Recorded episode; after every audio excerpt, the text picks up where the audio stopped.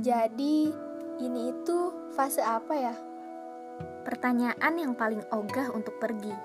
Pertanyaan yang sekalipun punya beribu jawaban, namun akan tetap menjadi pertanyaan.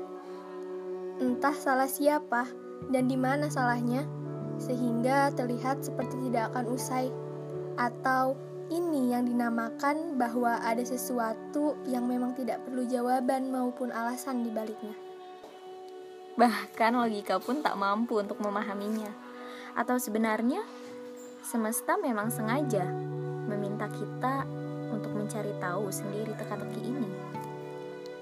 Mungkin satu-satunya cara dengan menerka-nerka dan di antara terkaan itu bisa jadi ada salah satu yang tepat. Tapi kita tidak menyadarinya, malah kembali ke siklus awal. Entah akan sampai kapan pertanyaan itu menetap dan berapa kali lagi siklus ini akan terulang. Kalau bertukar jiwa itu benar-benar bisa terjadi, kita nggak perlu lagi kata-kata untuk tahu isi kepala masing-masing. Tapi nyatanya itu mustahil. Jadi, yang tahu hanya dia dan yang maha tahu. Memang semua orang punya hak untuk saling tahu.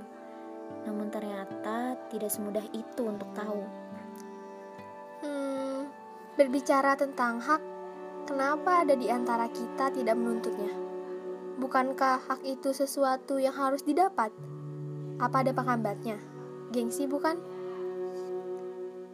Jika gengsi bisa dijual, mungkin kita sudah kaya. Tapi sayangnya, setiap orang sudah memilikinya. Ya jadi bukan dijual, tapi coba dihilangkan dari diri masing-masing. Susah ya?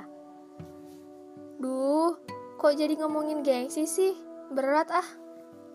Oke oke, jadi sekarang bukan waktunya lagi untuk memanipulasi keadaan. Sekarang waktunya untuk menciptakan keadaan sesuai dengan yang kita mau atau menerima keadaan sesuai apa yang telah terjadi. Uh, memang susah sih, tapi bukan berarti nggak bisa kan? Harusnya kita bisa coba bareng-bareng. Kalau susah, kita coba masing-masing yuk. Bisa kan? Tapi harus sejalan ya. Kalau nggak bisa, berarti ada yang salah dari cara kita. Mungkin kita masih mengikut sertakan ego dan gengsi. Jangan-jangan ego kita masih sama-sama kuat. Pokoknya, kalau kita udah benar-benar yakin, harusnya kita nggak sepusing ini.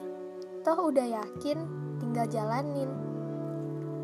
Dalam setiap perjalanan, setiap orang berhak untuk terus bergerak dan berhenti juga, bukan?